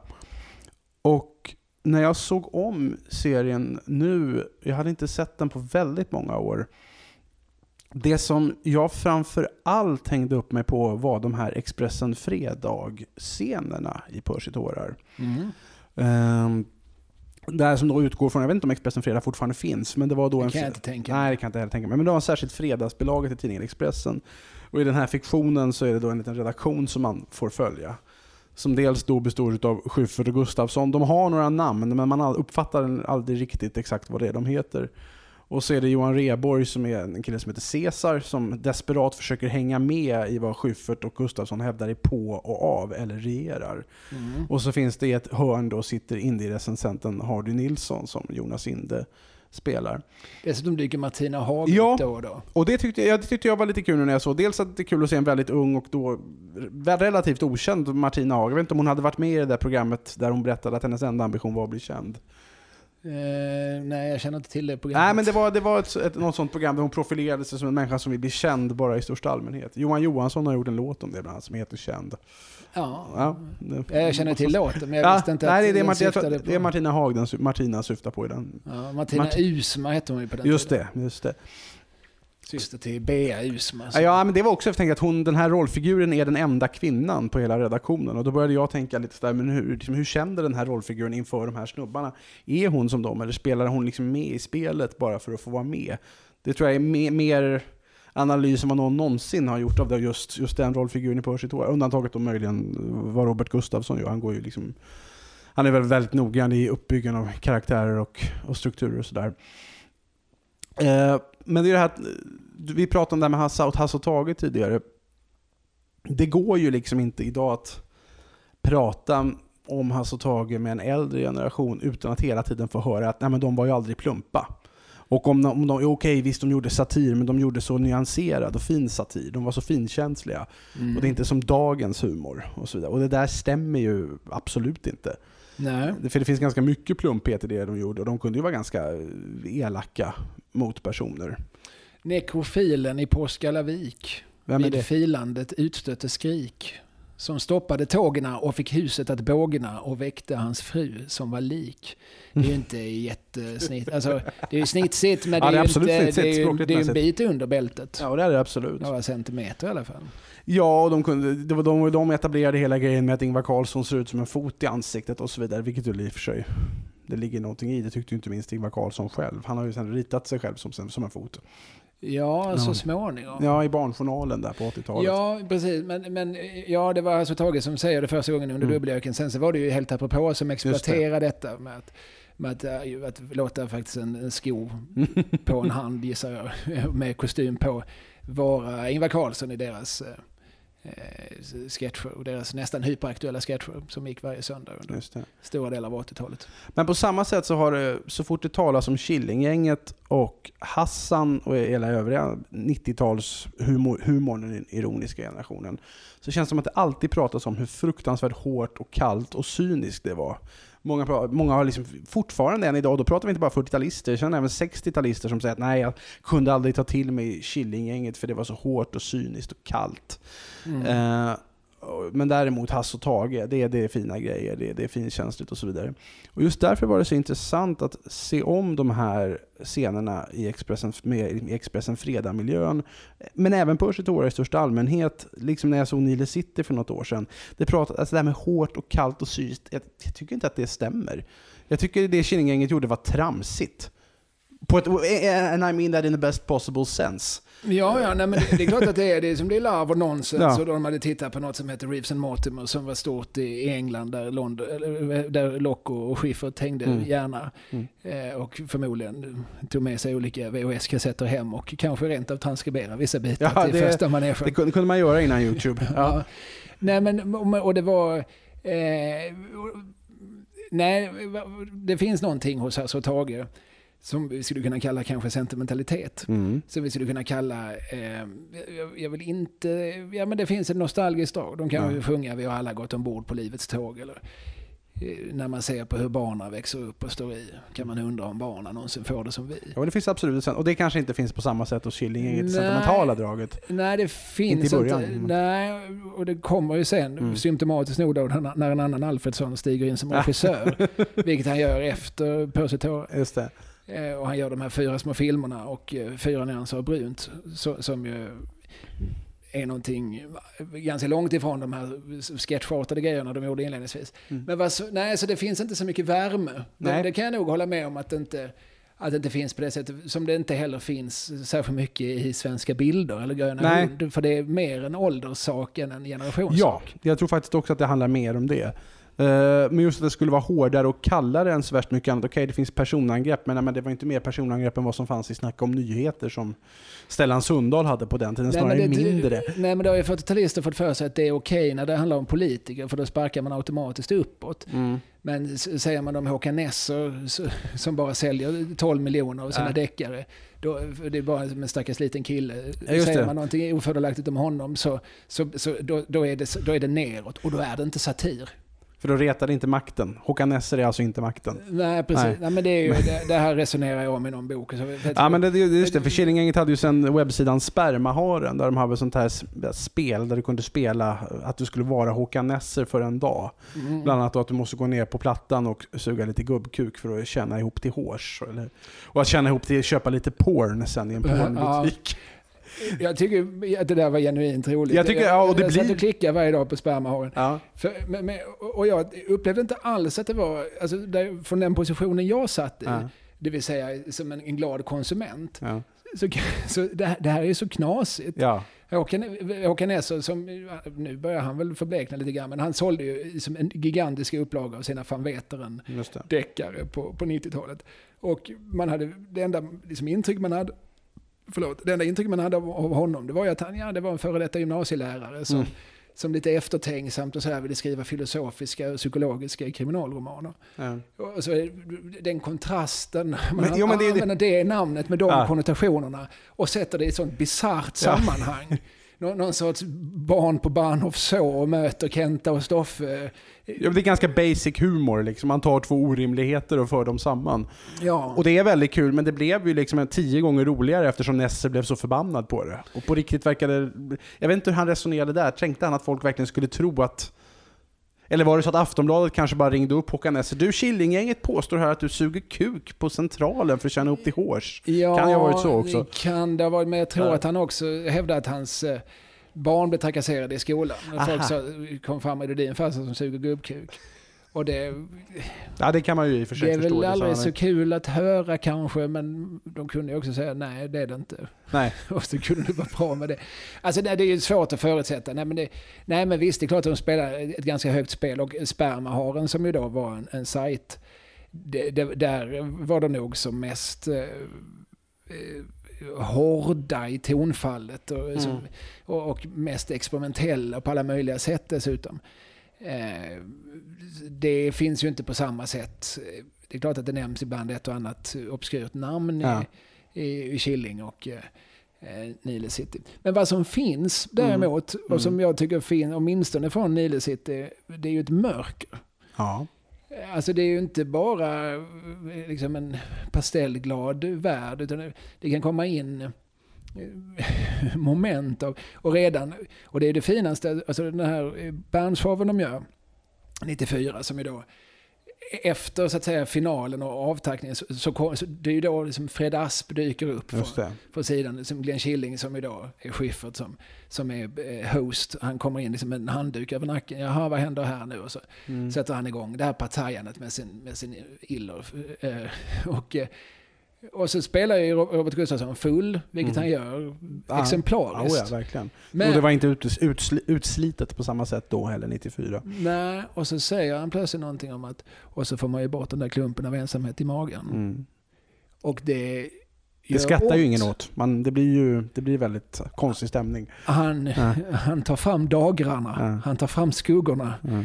De gräver i, i liksom det mörka när, när, i den repliken. Och det är ju någonting som finns också i inslag av i Nile City, absolut i Percy Tårar. Ja, där finns det ganska mycket rent av. Och sen kommer Thomas Alfredsson och mejslar fram det med, kanske med, med liksom en större, tydligare riktning, som en liten film om döden. Eller, Mm. eh, framförallt såklart i mästerverket Torsk på tallen. Ja, som man, jag också såg om för något år sedan jag blev, jag, jag blev mer illa berörd än vad jag skrattade. Ja, och det var nog avsikten. Ja. Alltså, det är ju det här... Det, är roligt, det finns en, en scen som är bortklippt ur Torsk på Tallinn, men som Mm. finns på något extra material på någon gammal DVD eller sådär. Robin Gustafsson gör ju den här västgötakaraktären som, det, som också Roland. finns med i Percy Tora för övrigt. Mm. Det är Eller, ja, just det. Ja, inte Roland, nej, utan han, just det. Jan Banan. Roland, är värmlänning. Ja, just det. Förlåt. Just det. Jan Banan. När Gustafsson gör sin Skövde. Ja, just det. Eh, Om du, om du fryser ner en, en lättöl va, och du tinar upp den, men tinar upp den jävligt fort, då blir det en starköl utav den. va. Nu blir det östgötska istället, men ja. Men, men ungefär den den, du- du- han kanske inte heter samma, men, Nej, jag, men tror, jag jag tror det- det är samma karaktär. Boss som, Hogg. Ja. som, som är kompis med, med eh, Slobodan. Slobodan. Som, ja, det sliskigaste som någonsin skådats i svensk ja, television. är han det? Jag, Ja, han, ja. han säger ingenting. Han ser, man ser bara skön ut. Han ser skön ut. Klädd i en billig sunkig kostym och sitter och leker med en katt. Jag tycker det är något djupt obehagligt. Ja, men man, man vet ju ingenting om... Han, han Nej, och det gör det ännu mer Han obehagligt. kanske är Jan Banans personliga assistent, vad vet vi? Där finns i alla fall en bortklippt scen Ja, som är där, där eh, de här två ska titta på Woody Allens Manhattan. just det. Det känner jag så, igen. så, så det var svartvitt. Eh, de, det, det, stod liksom, de liksom upprört tittade på DVD-omslaget, men det stod att det skulle vara en komedi. Vad är det jag sitter och tittar på? Woody Allens Manhattan som, från, från 79 som ju då är som en dramedy som Mm. är minst lika romantisk och melankolisk som den är, som den är kul. Och eh, jag tycker det finns, den scenen är som en nyckelscen på något vis. För att det, jag tror en och annan människa har satt sig och tittat på Torsk på Tallinn i tron att nu ska jag få slå mig på knäna Ja. tills blåsor uppstår. Men vad jag får istället är ju ett, ett ganska som finkänsligt och ganska mörkt och eh, bitvis nästan poetiskt intryck eller eh, avbildning av manlig ensamhet. Ja, alltså slutscenen där när eh, Roland tvingas skrapa ner den här handdukshängaren som han hade, han hade hängt upp innan han åker iväg på sin resa till Italien. För han är så övertygad om att han ska komma hem med en kvinna. Men det gör han inte, så han får ta ner hennes. Han har hans och hennes på väggarna där. Det, Ja. det gör ju fruktansvärt ont fortfarande när jag ser det. Ja men det gör ju ont. Ja. Alltså, nä- nästan alla scener i den gör ju ont även om det eh, finns liksom små, alltså Percy Nilegård som ju då, han har ju som chanserat sen, Mm. alltså, han chanserar ju för varje serie, han dyker upp i manegen, Mm. där är han ju kulturstrateg och, och är ganska liksom, Östermalmsaktig Ja. så här, liksom, och vill- göra liksom, dramat, sponsrade Dramatenföreställningar, men har liksom fortfarande, liksom, bär någon sorts eh, kulturens fana Ja, när han är med i Barbarella Live, som jag tror var hans första tv-framträdande där 92, då är han ju, då är han ju närmast en liksom lite effeminerad, finkulturell nestor som berättar om att han har skrivit tre skämt och är utbildad på någon skämtakademi någonstans i världen. Ja, intressant. För sen så i Nile City så är, då är jag ju en ganska sjavig nasare på något vis. Som, Mm. Men som fortfarande nog, vill jag minnas, har lite liksom, kulturella ideal. och Så han vill ju bland annat göra radioteater sponsrad av Riksost. Och så. Sen så i Percy Tora, då har han ju blivit, då har han blivit galen. Mm. Då, då går han ju till sin knarkande terapeut och eh, Eh, och har ju liksom alldeles uppenbart inga, inga sammanhang längre. Och sådär, liksom, Han har helt spårat ur och står och skriker konstiga saker. My name is Reverend Black Percy, but you can call me Percy del Pilar. Precis, Ja. och sen, sen då i på Tallinn så har han ju blivit liksom en, en, en eh, tredje klassens... eh, Hallick mer eller mindre. ja, precis. Sexresa han, han har den här, den här liksom, eh, bussen då som Mm. fraktar folk till, till Estland. Där avsikten är att de ska speeddejta och ta hem sin fru. Men det, det där mörkret som du talade om, för det var också det som slog mig med just Percy tårar och med det här påstådda hårdheten och cynismen som, de sa, som alla hela tiden, eller alla ska jag inte säga, men många äldre envetet hävdar fanns hos Killinggänget hela tiden och som gjorde dem så obehagliga. Jag tycker snarare när jag ser de här Expressen fredagsscenerna att de är snarare medvetna om ett tidsklimat och att de positionerar sig emot det. Snarare. Alltså det, vad, man framförallt kan säga är att när de ser, scenerna skrevs Mm. så, så satt ju Anders Locko på en redaktion. Ti- Han var ju redaktör för tidningen Pop. Just det. Där eh, så- sådana som Kjell Hägglund och Jan Gradvall och Per Bjurman och, och så kom och eh, så knackade de ner olika liksom, 30 000 tecken om, om eh, Van Morrisons eh, 70-talsplattor och sådär. Alltså, så, och som, som ju var fruktansvärt hipp. Det, Mm. det var ju så, så tok-hipp. jag, jag hade inte vågat. Jag, jag läste varenda nummer av Pop. Hade jag kommit in där, jag, jag, hade- jag hade ju bokstavligt skitit ner mig. Alltså, jag, jag, det, det var så... Det var, Varför alltså- då? Ja, men det, här är, det här är så coolt Mm. och det, det är så långt ifrån Eslöv som man kan komma.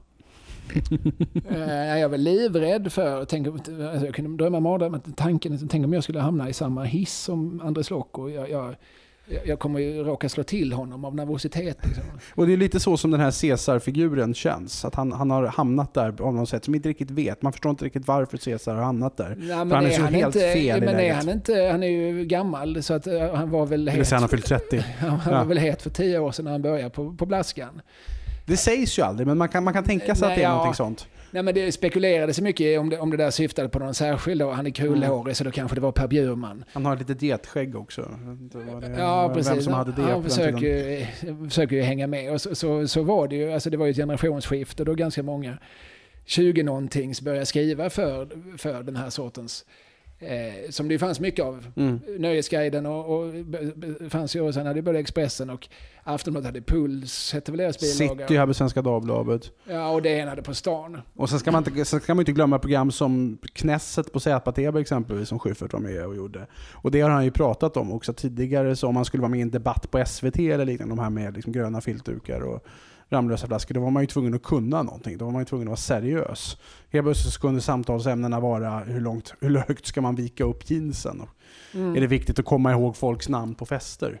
Och det är det som också känns så kul när man ser Expressen Fredagsscenen, att det känns som att de redan då hade börjat förstå att det här är ganska tramsigt det vi håller på med. Och Men kunde det- skoja om det. Ja, precis. Men det fanns ju, alltså när man tittar på det så finns ju en oerhörd, oerhörd självmedvetenhet. Ja. Alltså de vet ju eh, vad de är, vilken position de har och eh, vad de eh, kan skoja om och inte på något vis. Alltså, jag har alltid varit ett stort Killing-fan. Mm. För mig var det betydelsefullt när de kom när jag var 17 bast. För, för mig var det liksom, ja men det här är ett roligt program. Ja. Det, det är kul. Ja. Och sen så successivt började jag förstå att jaha, de droppar en massa popband och så som jag aldrig... Ja, First on More, jaha, han spelar till en gitarr i något som heter Sonic Youth. De är tydligen balla för de är från New York. just det. Det kände ju inte jag till. Men jag lärde mig, allt jag kan om 90-talspop kan jag ju via Glenn Killing. Ibland så var det till och med att jag kanske lyssnade på någon. Så, det här var ju oerhört tråkigt, det tänker jag aldrig lyssna på igen. Så, Sonic Youth, jag kan inte tänka mig något tradigare än deras jävla gitarrexperiment. Oh, nu är det en kontroversiell åsikt. Ja, nej, det- Inte i min värld, men i många andras värld. Ja, jag, jag, jag, jag, tror inte det finns någon som på allvar gillar Sonic Youth. det var, det, don't believe the hype. Nej, nej. Det, det, det, finns ett, Den hypen finns ju visserligen inte längre, men don't believe the hype. det ska finnas ett famöst faxkrig mellan Thurston Moore och eh, Johan Kugelberg, ett legendarisk popkultursamlare och på den tiden A&R på Matador Recordings. Jag har bara hört talas om det här, men de, de var inte alldeles, alldeles kontanta. Det ska till och med ha varit så att när Sonic Youth hade en Göteborgsspelning så skulle uh, Thurston Moore från scenen fråga Does anyone in here know Johan Kugelberg? Vilket faktiskt var några som gjorde också, men mer om Kugelberg i något annat sammanhang. Jag ska säga att sen tycker jag nog de var ganska coola ändå. Alltså Mm. det kan man ju vara, men mu- musikaliskt så var det tradigt. Ja, jo, men där, där kan jag hålla med dig. Eh, Men jag var, ju, jag var ju ytterligare, om vi återvänder till Killingen, jag var ju tio år yngre. Är fortfarande tio år yngre än vad du är. Mm. Så för mig var det ju bara att det var knasigt. Jag begrep ju nästan väldigt lite generellt. Och därför kan jag ju fortfarande sitta och dekoda saker och ting som jag skrattade åt när jag var 10-12 år. Ja, just det. Men vad- som hände var ju att jag kunde börja prata med de här lite balla popmänniskorna som fanns på mitt gymnasium. Mm. Det var nämligen så att i Eslöv, jag gick på gymnasiet i Eslöv, det var Skånes på den tiden största gymnasium, 2000 elever hade Ja. vi. Och det var bland annat för att vi även tog in ungarna från Hör och Hörby, Okej. de intilliggande kommunerna. Mm. Och i, i Hör så fanns det indiepoppare. Eh, det, det, det fanns ett gäng där som var, jag tyckte var så fruktansvärt coola. Men vad ska jag prata med dem om? Jag ser ju på, på kläder och så att de, de här är balla, men jaha, och så ser jag på band-t-shirts, Ride, jag vet inte vad Ride är, jag, nej, jag vågar inte prata med dem. Men, men via den Killing då, Mm. så kunde vi någonstans, för att de, för då blev liksom humor för första gången under min levnad hipp. Ja. Alla tyckte Även under Killinggängets levnad tror jag. Ja. Ja, ja. Nu är de inte så väldigt mycket äldre, men ändå.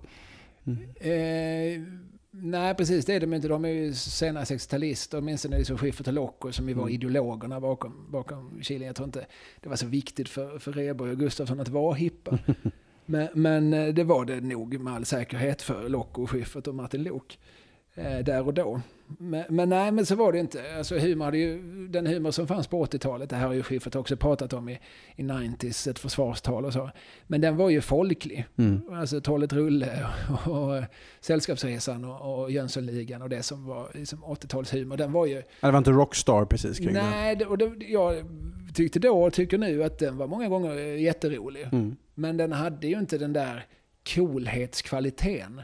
Som, Nej, som det kan man inte beskylla Åke. Kato för. Det kan man inte göra. Nej, och vad som var roligt var att jag kunde ju omedelbart identifiera Killing som det här är ju kul Mm. för att jag, jag kan det här språket. Han har lös mustasch, han pratar dialekt, Mm. han snubblar, han sprutar kaviar genom Jarl Kulles ögon.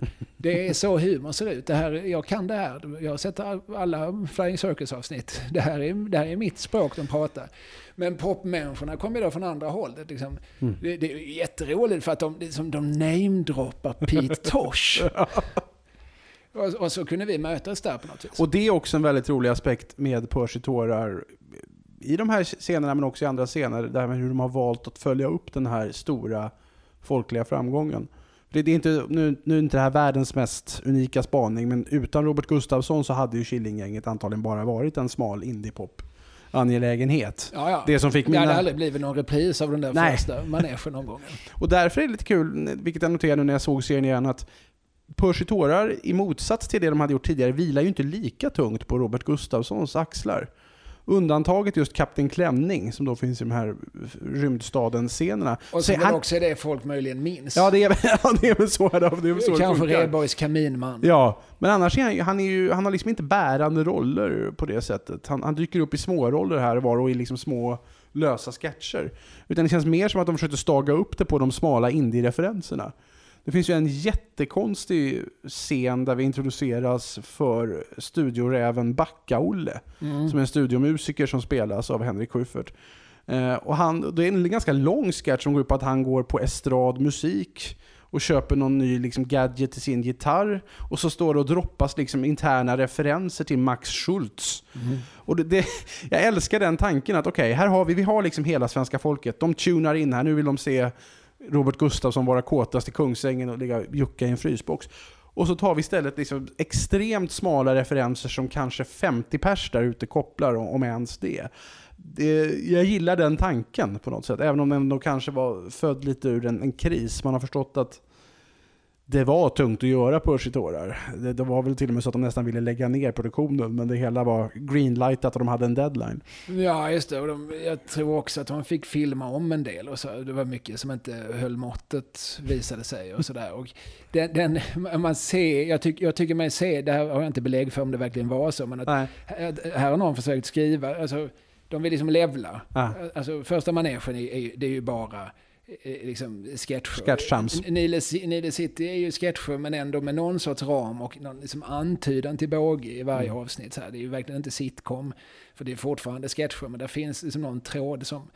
Ja, och det att, hänger att ihop Gregor Hawkwind ska gå och eh, köpa någon bögporrgrej eller så. Ja, och det hänger ihop ganska bra ändå. Liksom man köper hela den här, om man bara köper den här grejen med brandstationen så, så funkar det ju liksom som någon sorts, som någon sorts enhet. Men det är ju helt borta i, i Percy Tårar. Ja, nej, men vad de istället där försöker göra är att berätta ett, ett antal parallella stories. Mm. Men, men, men varje story, utom kanske den nämnda kaminmannen, den, den, den, den upplöses ju i ett ingenting. Mm. Det finns, de har ju inget slut här. Det betyder ju ingenting. Det, var, det, var ingen, det blev ju ingen pay-off egentligen på den här. De börjar berätta om, liksom, om Nej, det finns ju Percys äventyr med Ja. Tommy Bolin. Och de börjar berätta om Expressen Fredag. Det hänger ju inte ihop. Det finns ju ingen framåtrörelse riktigt på det sättet. Och jag, tror att den ambitionen fanns från början. Men att det, Ja, det, liksom- finns, det finns en, en liksom konflikt under ytan med att de här Schyffert och Gustafsson är oerhört taskiga mot Caesar och att han liksom försöker hålla tillbaka och liksom inte ge efter för sina tjänster. Men till slut blir det ju öppen konflikt. De skäller ut honom för att han har accepterat att han är 30 och inte gör som Peter Sipen och lyfter skrot och rakar sitt bröst. Ja, ja, men det, men det är inte mer utveckling än vad det är som i Tiffany-sketcherna i, i en hipp-hipp-serie eller sådär. Det, det är ju... Men de börjar ju berätta historier. De berättar Mm. ju en historia om Percy Nilegård och Tommy Bolin. eh, Som två, Ja, två figurer vi har mött tidigare, men som nu möts för första gången väl i, i, i, i Killing-sammanhang. Ja, det tror jag. De hade, nej, det stämmer nog. De hade inte mötts tidigare. Ja, men det är någon berättelse där om att han köper något bryggeri som Ja. han kör i putten. Och, Ja. eh, Tar pengarna och sticker iväg tillsammans med Ulf Ekberg. Ja. Ja, ja men den, den... eh, Jag tror att någon i det manusskrivarrummet hade någon ambition att ska vi inte försöka göra en riktig berättelse av detta? Men det blir ju fortfarande bara liksom en, en, en serie sketcher med någon, någon sorts liten utvek, utvikning. Och där vi... Ja, den, den är ju extremt spretig. Ja. Och, och det här liksom, studiorävar i gryt som dyker upp från ingenstans. Den har, den har liksom ingen koppling Nej. till några, några av de, här- de här ganska många historierna som har börjat berättas. Mm. Eh, jag älskar Percy Tårar. Ja, ja, jag tyck, tyckte också att det var väldigt skojigt att se ner. Men, men det, var ju, det är ju dramaturgiskt extremt spretigt och hänger inte ihop alls. Och, Nej, men jag, jag, dramaturgiskt är det ingen vidare, men det, det finns en del fruktansvärt roliga sketcher. ja, och jag är lite förtjust i serier som gapar över, eller serier som verkfilmer. Jag, jag gillar ju Mm. Picassos äventyr av samma skäl, som gapar över lite för mycket. Där Tycker har- du att Picassos äventyr gör det? Ja, det gör den ju. Den På vilket sätt då? Vi har två timmar på oss. Vi ska berätta hela 1900-talets historia, hela Mm. konsthistorien. Vi ska eh, få in slapstick, vi ska få in alla våra Lundaspäckskompisar, vi ska få in eh, vår Amnestygrupp, vi ska få in... Alltså, vi ska, alltså, den är ju liksom beyond ambitiös. Ja. Och, och vi ska ha in eh, ryska balletter som pruttar, vi ska ha in allt, allt, de filmar ju även liksom höns iförda nazistuniformer. Just det, som inte kom med i färdiga filmen. Ja. Nej, precis. Men tycker du att de misslyckas? Nej, absolut inte. Men, men den, jag skulle nog säga att om, om man ser på Kevs äventyr idag så tänker man att den kanske ska kapas med 20 minuter. Mm. De lägger in en jättelång, en väldigt rolig jättelång slapstick-scen med Sven Lindberg som Dr. Albert Schweitz och som, som undersöker Picasso. Och det är roligt för att Schweitzer är blind och... eh, Ja, det är, det är en väldigt fint ut, utförd slapstick-scen. Ja, jävligt precis. genomtänkt och jävligt roligt. Som inte har så mycket med var de är i den, sto- resten av storyn att göra. För, för det här har liksom, alla andra sketcher försöker på något vis liksom kommentera ett skeende, ett världspolitiskt eller ett konsthistoriskt skeende. Så. Men det här är ju bara en rolig sketch om en, om en gammal doktor. Eh, som, som kommer dessutom ganska sent i filmen. Ja. När man lite grann känner att Nu vill man att sl- slutet ska komma Ja, sluta, nu, nu har ju liksom. Picasso blivit vithårig. Ja. Nu, nu vill jag liksom se vad händer med honom. Men nej, då kommer den här, vad det kan vara, sju minuter. Eh, liksom ett klassiskt, verkligen liksom som Chaplin eller, Mm. eller eh, Harold Lloyd, så, slapstick-nummer. Så, så att den, den gapar över väldigt mycket som film. Ja. Och jag älskar det. Eh, jag älskar när man, när, när man blir liksom lite, hellre lite för mätt Mm. än lite för otillfredsställd. Jag Kan du utveckla det lite? Att, ja men så är det ju. Alltså, jag, alltså jag kan rent konkret, om man har mat, Ja. alltså jag äter ju hellre lite för mycket så att jag, så att jag blir bugaspänd. Som ni säger, ja. Ja, som vi, alla skåningar går runt och säger för jämnan. Ja. God mad, mön, mad, mad i rättan tid, Just säger det. vi. Jo, jag är det så att jag är rent bugaspänd. Åh, herre min skapare. Jag vill hellre ha den känslan än att, än att är allt uppätet. Jag är fortfarande ett hål i magen. Ja, och det kan ju finnas någonting i att, att eh, även som skapare kan jag tänka mig att gapa över väldigt mycket och liksom tvingas till eller att anta den ambitionsnivån så att säga. Oavsett om man når fram eller inte. Ja, ja men... Låt oss då, nu, nu blir det ju lätt så när du och jag pratar att Ja, vi kommer in på ämnet Hasse och Tage. Jo, Hasse Alfredson gör 75 en film som heter Ägget är löst. just det. Det kan ju ingen människa hävda att det är en helgjuten film. Absolut inte. Jag kommer framförallt ihåg chocken när jag såg den när jag var 10-11 år, Hasse Alfredson-fan, och trodde att det skulle vara roligt. Och det är det ju inte. Nej, det är möjligtvis så kallad svart komedi, det Ja. vill säga inte så rolig komedi. Nej. det är en omskrivning kan man använda generellt. Ja. Ja, men jo, men den är, ja, det finns väl roliga scener, men det, men det är ju scener som också är obehagliga. Mm. Eh, Men, men, men det är ju en scen, så, eller en film som börjar med en berättelse om en, om en förtryckt son till en, till en eh, hänsynslös kapitalist som spelas av Max von Sydow och sen så, oj, nu kom det någon, något shownummer där arbetarna vid bandet sjunger ägg, ägg, ägg, ägg, ägg. Det. Och sen så händer det lite hit och dit och Gösta Ekman åker till Köpenhamn med någon tjej som han inte får ligga med och sen så går han hem och... Ja, nej, den, den är inte och, och, och helgjuten. börjar ligga med sin mamma. Det. Och har ihjäl sin nej, far. Och precis då innan haft ihjäl sin far, tror han. Men, Mm. men pappan har ju skottsäker väst med, med, med tydliga hål efter tidigare beskjutningar. Då slänger pappan honom i en kärn. Mm. Och sen handlar filmen i 14 minuter om hur Gösta Ekman står i en kärn i nio månader och sen spolas upp ur naturens eget fostervatten Mm. på vårkanten. Och då, är, då har det varit en an, anarkosyndikalistisk revolution. och eh, arbetarna har tagit över fabriken för att naturens resurser är överexploaterade. Okej, det här är en film jag just beskrev och Mm. då har jag säkert missat några väsentliga Nej, bitar. du, du fick med nästan hela handlingen. Nej, men, och då säger, skriver Jörgen Schilt som var som Aftonbladets ledande och tongivande kritiker att eh, ja, det här är ju, vad jag tittar på här, det är ju liksom idéer som räcker till fyra, fem filmer. Mm. Eh, och eh, jag föredrar ju trots allt det framför genomsnittsfilmen som inte ens har en. Fritt citerat Ja, minnet. ja, nej, jag har inte tänkt på det på det sättet, men då, det, det, det finns absolut en poäng i det resonemanget. Ja, när man resonerar om att Alfredsson, han han har en jävla massa, vad han inte har det är ett roder. så att, som gör att han liksom sömlöst kan, kan styra den här skutan. Som, utan den får ju åka hit och dit. Och så, Mm. ja, men nu, här blir det lite kul och här blir det lite tråkigt och här blir det lite hemskt och här blir det lite sådär. Men, men, Men det blir inte älskar- jämntjockt. Det kan ju inte bli, gärna bli det, när, när man har den spretigheten. Nej, och så är det ju med Påse tårar också. Ja. Det finns ju partier som jag tycker är rätt tradiga. Och, och, Jag fattade aldrig den där Kaminmannen-grejen riktigt. Nej, den, den tycker jag till exempel är trist. Ja. Det finns liksom ingen, finns ingen liksom, tokkvalitet i den. Utan det är ju hela idén att det ska vara väldigt low key spel och att det här liksom helt vanliga villamannen som blir besatt av, av, av eldande och till Mm. slut eldar upp huset.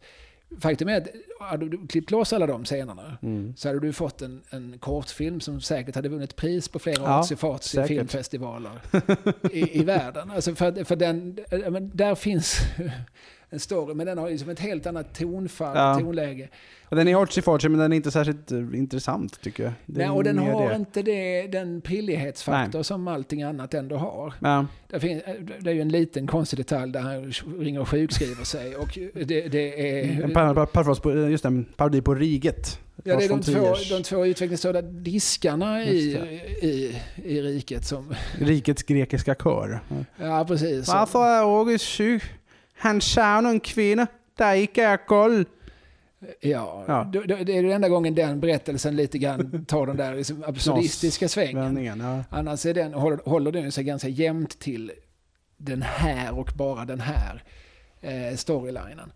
Eh, som, som, som sagt hade fungerat som en film på egna ben. Det hade inte blivit min favoritfilm. Nej, men, men, men det hade varit...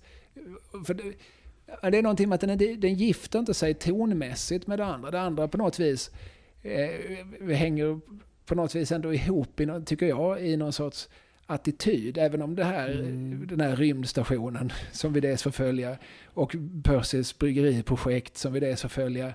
Någon kille som ska ta ett simborgarmärke som vi plötsligt får följa. ja. Eh, Även om det är helt olika stories så, så, så tycker jag ändå de delar ett tonfall. Att det här är, liksom, det här är någon sorts förhöjd verklighet.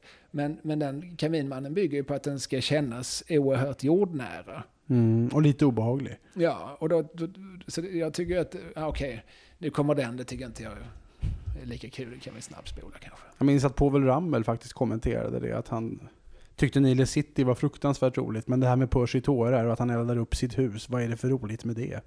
Men jag vet att jag är gammal. Eller något sånt där. Så. Ja, Ja. Eh, det, det är det enda jag minns, att jag verkligen blev liksom imponerad. Undrar var de har hittat det uppeldade huset. Alltså rent, vad fan har de eldat upp? Alltså hur gör man Ja. det? Hur hittar man? För det är ju ett hus som har, det ser ju ut som det har brunnit upp. Jag har ingen aning om vad de gjorde. Kanske, kanske var det ett Nej, obyggt hus som de släpade lite sotrester till. Men det står ju där i Ja, ja, det är det. Just det, det där i sista brunnit upp. Det tyckte jag var, var coolt. Undrar om de har råd att bränna upp. Alltså kan man göra, alltså, hur, hur gör man det? Det är detta eviga, när man väl får in foten på SVT, när man, den här kolossen, då kan man ju faktiskt få loss lite vad fan som helst.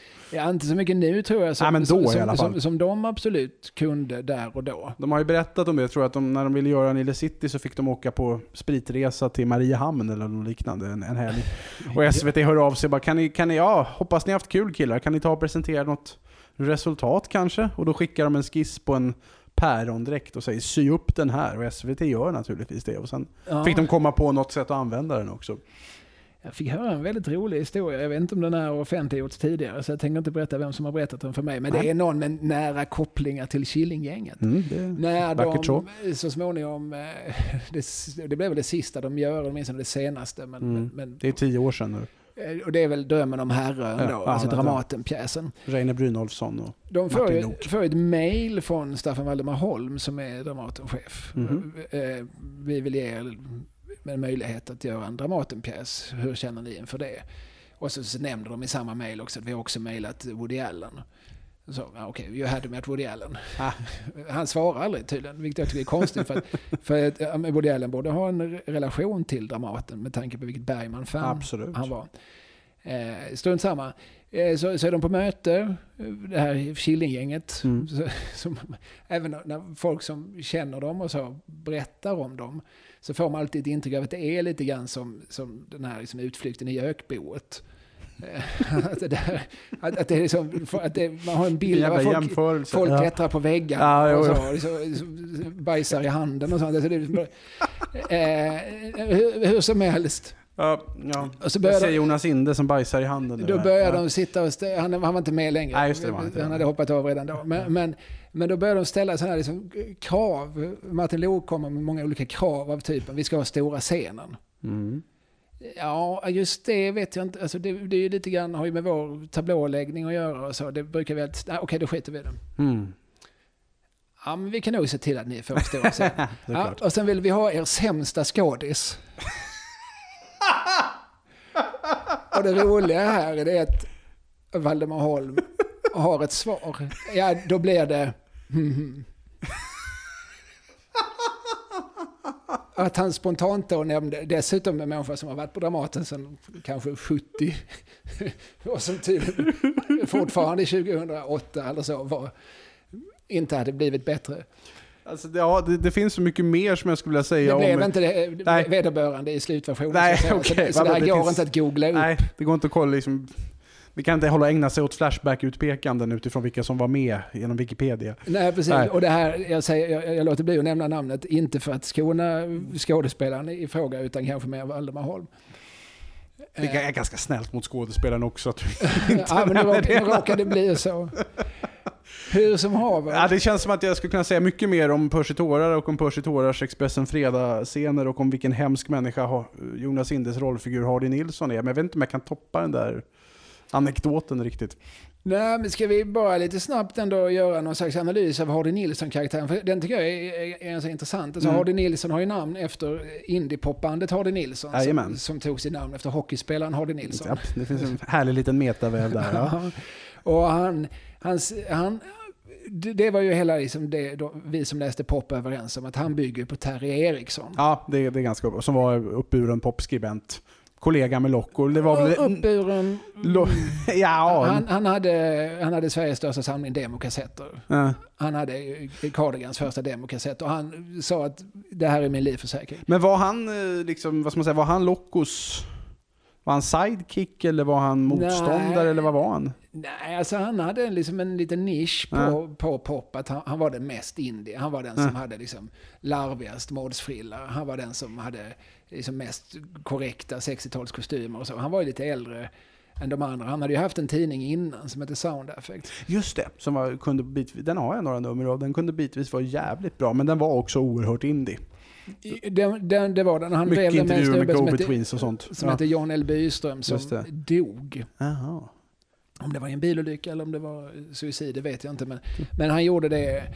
Och, och Terry, ja, men han flyttade till Stockholm då för att det, när, när tidningen Pop bildades så, så, så blev liksom Sound Effects från början. Mm. Och, och en annan tidning som heter Now and Then. De, det. de blev liksom uppslukade av popmärket från, Ja. från dag ett så att säga.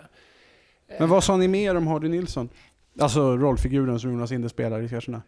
Eh, nej, men han, han är väl nog eh, mycket mer än vad Caesar är. Caesar är nog, skulle jag säga, han är en sorts typ. Han är liksom Jan-Olof Andersson eller, Mm. eller Måns Ivarsson eller någon av de här som, En som har varit med ett tag och inte riktigt är 90 med. ja, men som fortfarande tyckte Lundell kanske var Ja, bäst. ja. Och, och det tyckte ju inte Loco. Nej men för jag när man ser, när jag var yngre och såg serien så tyckte jag att de här Schyffert och Gustafssons figurer på Expressen Fredag-redaktionen var så hemska.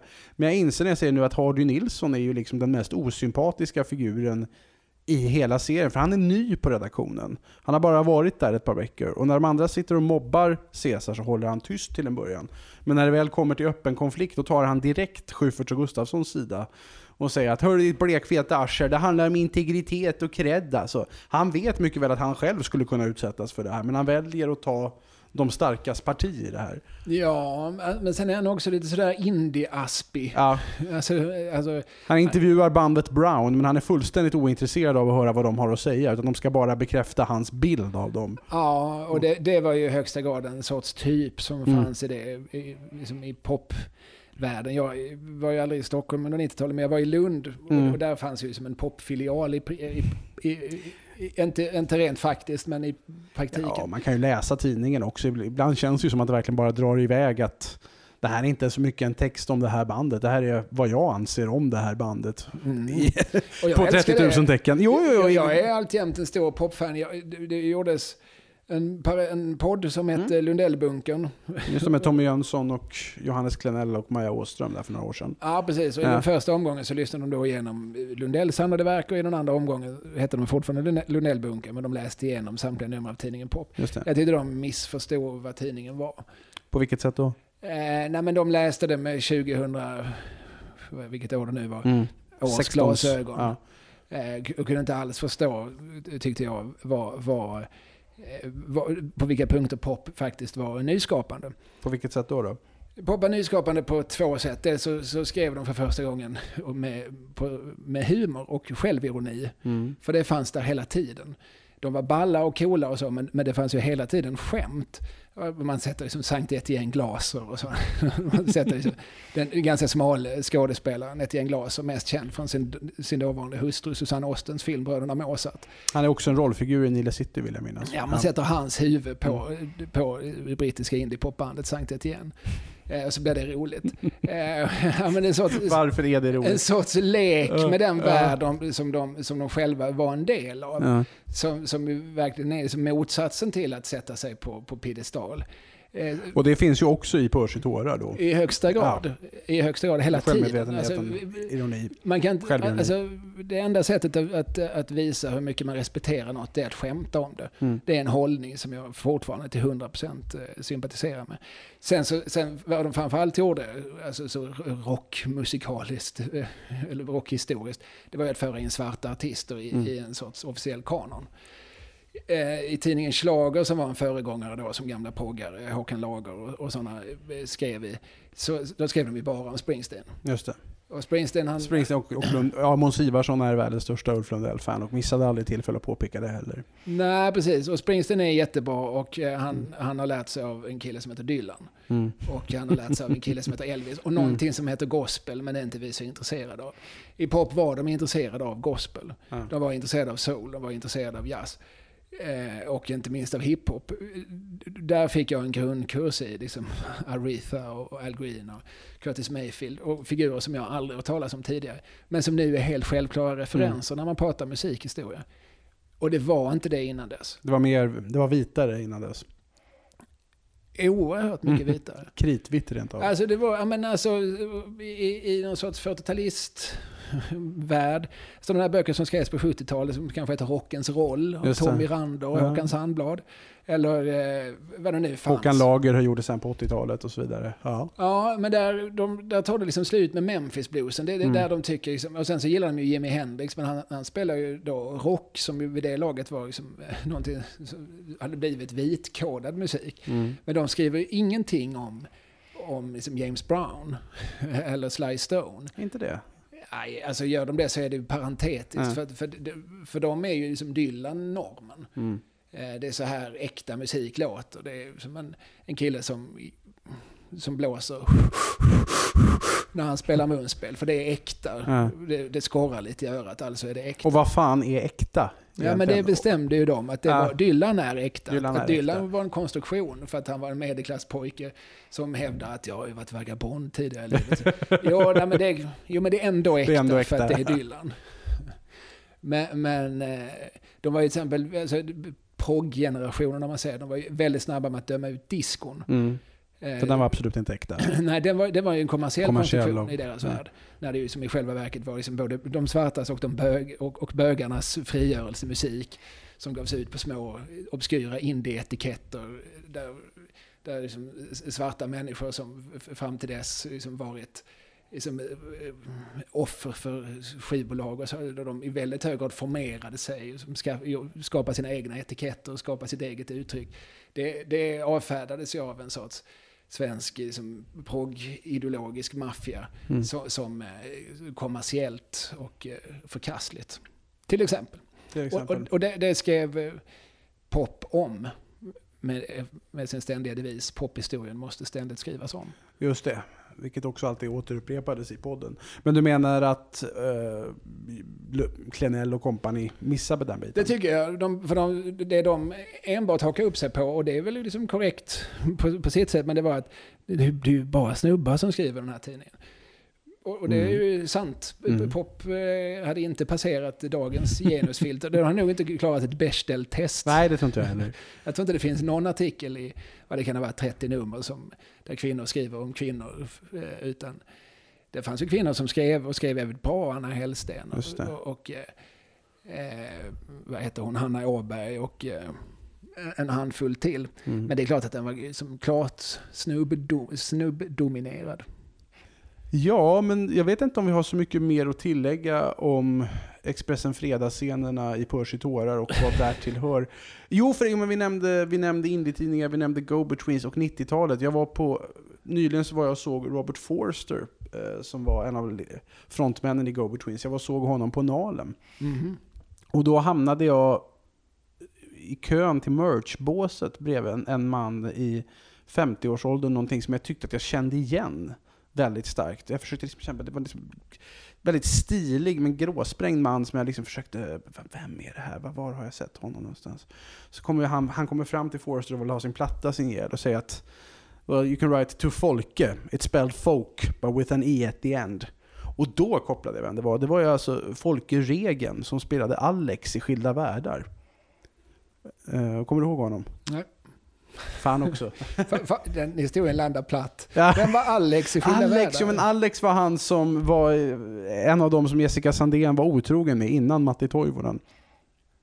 Eh, han var snickare och han Matti jobbade, Alltså Matti ah, Okej, Ja. Matti Toivonen. okej. han jobbade också sen ihop med Matti Toivonen och var- blev också ihop med Matti Toivonens dotter.